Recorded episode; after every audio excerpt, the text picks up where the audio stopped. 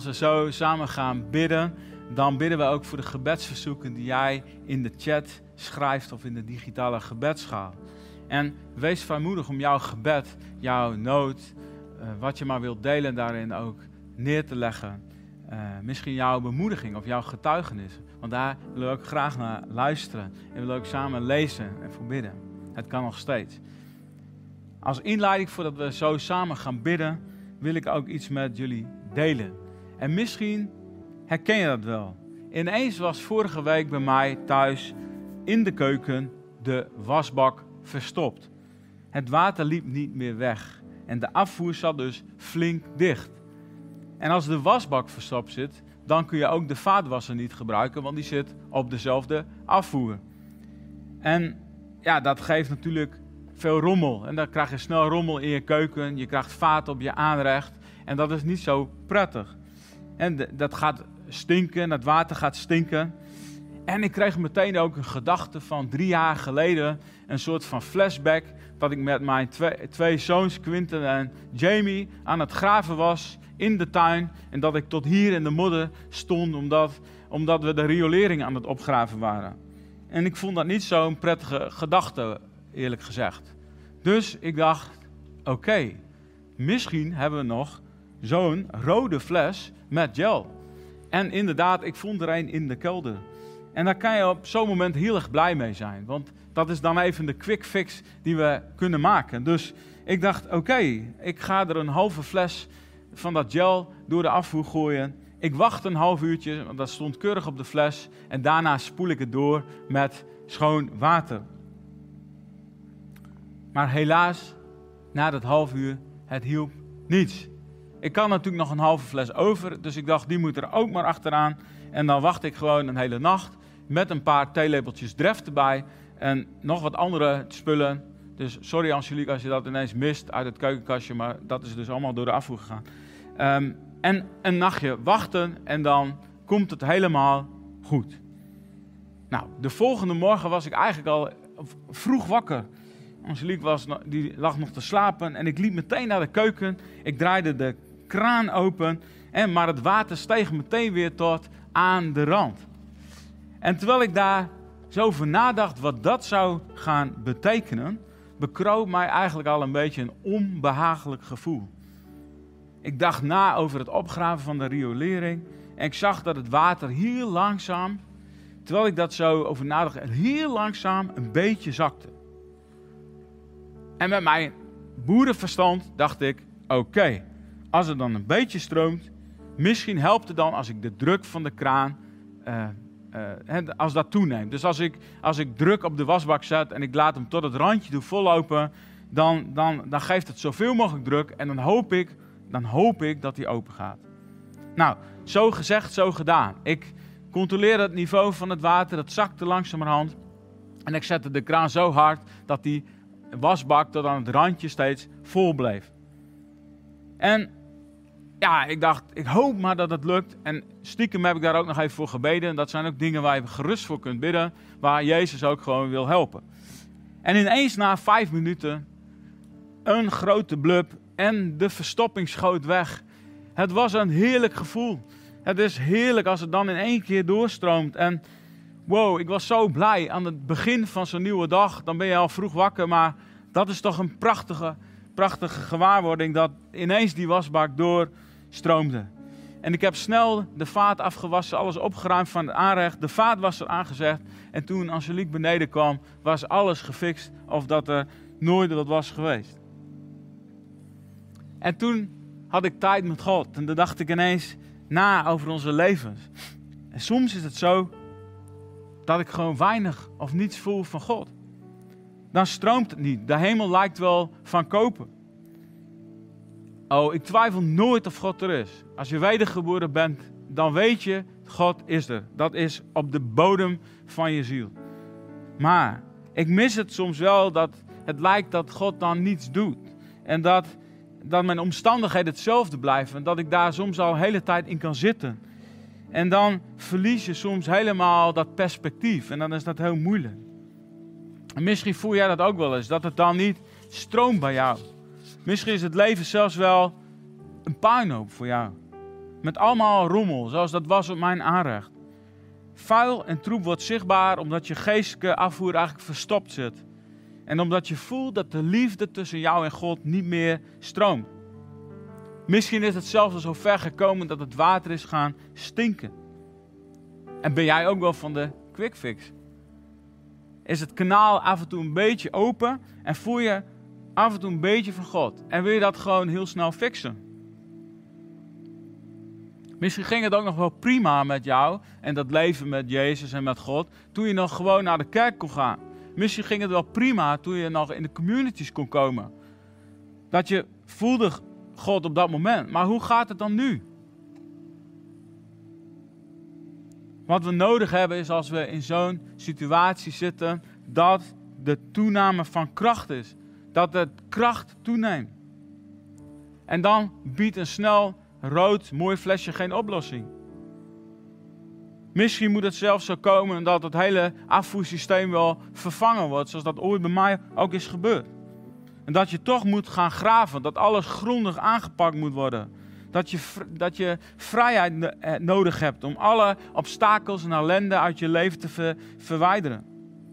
Misschien is het ook wel zo dat je wel iets van Gods liefde ervaart, dat het wel een beetje stroomt, maar dat de kracht van God sterker moet gaan stromen, dat het helemaal alles schoon gaat spoelen en doorstromen. Het levende water wat alles gezond maakt. En ik moest daarbij denken aan dat verhaal uit de Bijbel. Een best wel ernstig verhaal van koning David. Koning David, hij was een man naar Gods hart. God hield van hem. Hij had een leven van aanbidding. David was een man die wist wat het was om in de tegenwoordigheid van de Heer Jezus te zijn. En niet van de Heer Jezus, want die was er toen nog niet, maar van God. Hij was er wel, de Heer Jezus. Theologisch moet ik dit even corrigeren. De Heer Jezus was er, want de Vader, Zoon en Geest waren er voor de grondlegging van de wereld. maar hij kende Jezus nog niet in die vorm. Maar David, hij wist het wat het was om in de tegenwoordigheid van de Heer te zijn. Maar hij had wel menig obstakel in zijn leven. Het liep allemaal niet zo goed tussen hem en de Heer. En David wilde steeds meer macht. En ook speelde onreinheid een, een, een onder, groot onderdeel in zijn leven. Seksueel verkeerde gedachten in zijn leven. En we kennen allemaal wel dat verhaal van David die kijkt vanaf het dak van zijn paleis. En dan loopt hij daar rond en dan ziet hij ineens Bathseba baden in de tuin van zijn buurman. En Bathseba was een prachtige vrouw. En hij kreeg, hij gedachten van lust en van begeerte. En uiteindelijk heeft hij tegen Bathseba gezegd dat ze daar moest komen bij David in zijn paleis. En ze hadden seks met elkaar. Dat was niet goed. Hij begeerde haar omdat ze mooi was. En toen kwam het woord van God naar David toe. Toen ging God spreken. Gelukkig maar. Door de profeet Nathan heen. En Nathan die vertelde die gelijkenis aan David over die rijke en die arme man. Die arme man die had alleen maar één lammetje. En die man die was zo wijs met dat lammetje. Hij was, het was als een kind voor hem, zegt de Bijbel. En de rijke die had alles. Die had een hele veestabel, had alles maar wat zijn hartje begeerde. Had voldoende dieren en had ook voldoende lammeren. Maar toch wilde die rijke man wilde ook dat lammetje hebben. Verschrikkelijk. In 2 Samuel 12, vanaf vers 4, wil ik graag ook samen met jullie lezen. 2 Samuel 12, vers 4. Even de Bijbel erbij. En er staat ook. Op een keer kreeg de rijke man bezoek. En hij vond het zonde om van zijn eigen schapen of koeien voor zijn gast te slachten. Daarom nam hij het lammetje van de arme man en maakte dat klaar voor zijn gast. Toen werd David woedend op die man. Hij zei tegen Nathan: Ik zweer bij de Heer dat de man die dat gedaan heeft de doodstraf verdient. En omdat hij dit gedaan heeft en geen medelijden had met de arme man, moet hij hem vier lammetjes teruggeven. Nathan zei tegen David: U bent die man. Dit zegt de Heer, de God van Israël. U, ik heb u tot koning van Israël gezalfd. Ik heb u steeds uit de handen van Saul gered. Ik heb u het paleis van uw Heer en de vrouwen van uw Heer gegeven. Ik heb Juda en Israël gegeven. En als u dat te weinig vond, dan had, u, had ik u nog wel meer willen geven. Waarom heeft u zich niets van mij aangetrokken en iets gedaan wat ik vreselijk vind? U heeft de Hethiet Uria vermoord.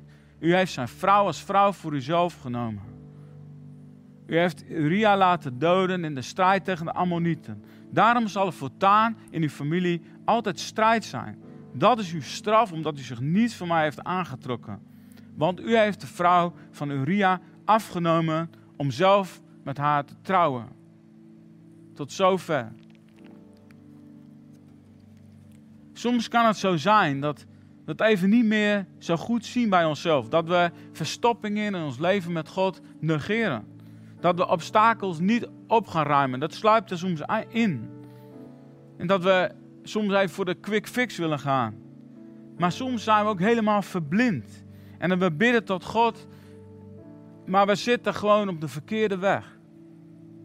Oh ja, bij dat ander kunnen we dan heel goed zien wat de fout is en wat niet goed is. Een beetje dat balk- en splinter verhaal. Maar dan hebben we het woord van God zo nodig. Die ons aanwijst van, jij bent die man. Jij bent die vrouw. We hebben de kracht van de Heilige Geest nodig, die zorgt dat de druk toeneemt. Niet om ons onnodig onder druk te zetten, nee. Om te zorgen dat door de kracht het contact met God weer gaat stromen. Dat de verstoppingen en alles wat tussen ons en God instaat uit de weg wordt geruimd. Dat we schoon schip kunnen maken. We hebben dat levende woord van God zo nodig. En Jezus Christus is het levende woord. Hij is het Rema-woord. Hij wil tot ons spreken door de kracht van de Heilige Geest. Hij kan en wil ons vrijmaken. Hij wil jou vrijmaken. Hij wil jou vernieuwen door zijn kracht. Maar hoe kan dat dan gebeuren in jou, in mijn leven? Dat heeft alles te maken met een wilsbesluit. Wil jij de leidingen weer schoon hebben? Wil jij dat het weer stroomt? Wil je weer voelen dat het bruist van leven? Die rivier die komt van de troon van God, die alles laat leven? Wil jij een relatie met de Heer Jezus weer in orde hebben? Maak dan een keuze. Zeg dan tegen de Heer Jezus van, maak me alsjeblieft schoon van mijn zonde, van de dingen die ik verkeerd heb gedaan. Heer, vergeef mij. Ik wil niet langer in onreinheid leven en verkeerde dingen doen op het gebied van seks. Ik wil niet langer vastzitten in de macht van het geld. Ik wil niet meer langer stelen van mijn baas. Ik wil loskomen van mijn verslavingen. Van drugs, van verkeerde seksuele dingen, van porno, alcohol, roken, doelloosheid. Ik wil niet langer boos worden op mijn kinderen. Ik wil niet elke dag geïrriteerd in huis rondlopen omdat ik de lockdown niet meer zie zitten. Ik wil weer diepe liefde ervaren voor mijn vrouw of voor mijn man. Ik wil meer tijd aan u besteden, Vader God. Ik wil mij verdiepen in uw woord. Ik wil schoon worden voor u, Heer Jezus. Als we echt oprecht berouw hebben, dan raakt de Heer Jezus ons aan. Dan gaat hij ons vernieuwen. Als we ons opnieuw aan Hem geven, dan zal Hij ons nieuwe kracht geven. Een nieuw perspectief. En dat is het wonder van het kruis en de opstanding. Zoals we dat ook voor vandaag gevierd hebben in het avondmaal. Heer, ik kan het niet alleen. En ik kan het ook niet volhouden. Ik heb het al zo vaak geprobeerd. En elke keer ga ik even heel plat gezegd weer op mijn bek. Ik kan het niet alleen. Nou, dat klopt ook. Jij kunt het ook niet zelf. Ik kan het niet zelf. Het kan alleen maar door de kracht van de Heilige Geest. Het kan alleen maar als de kracht toeneemt. Als jij je leven overgeeft. En dat kan alleen maar als eerste door te zeggen, Heer Jezus, red mij. Misschien ben je wel niet gered. Dan ken je Jezus nog niet. Heb je hem nog nooit uitgenodigd in je leven. Dan is vandaag heel kan. Zeg dan, Heer Jezus, hier ben ik. Als jij met jouw hart gelooft en met je mond beleidt, beleidt dan zal de Heer Jezus jou redden. En dan zal hij al die dingen die tussen jou en God instaan, die zal hij uit de weg ruimen. En dan krijg je vrede met God, dan krijg je verbinding met God. Misschien ben je al jaren naar die kerk gegaan. Maar heb je dat nog nooit gedaan? Dan wil ik je uitdagen om op die manier de Heer Jezus uit te nodigen. Door een paar woorden te zeggen. Te zeggen, Jezus, kom maar binnen in mijn leven. Ik heb u nodig, Heer Jezus. Kom met uw kracht.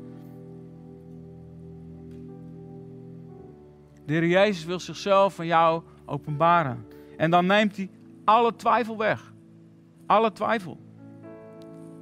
Heer, ik bid dat u geloof herstelt. Heer, ik bid dat u mijn hart aanraakt. Ik wil ook samen met jullie bidden. Heer Jezus, u kent ons zoals we zijn. U kent ons zoals we hier zijn vandaag. Waar we ook zijn. En ook als je later terugkijkt, waar we ook zijn, waar je ook bent. De Heer Jezus kent jou. En hij weet precies wat er in jou omgaat. En hij weet precies waar je het niet zo nauw genomen hebt met hem. Hij weet precies waar je dingen hebt laten liggen. Hij weet precies waar je dingen hebt laten binnenkomen. Waar je dingen hebt laten binnenslippen. Hij weet precies waar je dat weg hebt geredeneerd door te zeggen: ja, maar de tijd is anders. We moeten anders gaan denken. Hij weet precies. Maar die waarden van God zijn niet veranderd. Het zijn nog steeds dezelfde waarden. En ook vooral onreinheid, daar word ik heel erg bij bepaald. Maar dat mag je niet wegredeneren. Je kan het niet wegredeneren.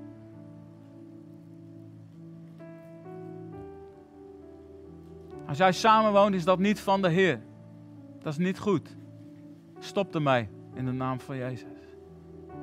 Ik bid, Heer Jezus, dat u zo komt met uw heerlijkheid, met uw kracht. Ook als jij zo vertwijfeld bent dat je het helemaal niet meer ziet zitten, dat je liever van de flat afspringt, dan bid ik dat God komt met zijn genade over jouw leven. Dat je, dat je zegt, oké, Heer Jezus, ik wil u als laatste die kans geven om mij te redden. Want Jezus is gekomen om te redden. Hij is gekomen om los te maken. Hij is gekomen om te bevrijden. Hij is gekomen om jou vrij te maken. Hij is gekomen om jou te redden. Kom, Heer Jezus. Kom, Heer Jezus. Kom, Heer Jezus. Openbaar uzelf door de kracht van die Heilige Geest. Deze dag. In Jezus' machtige naam bid ik dat. Amen. Amen.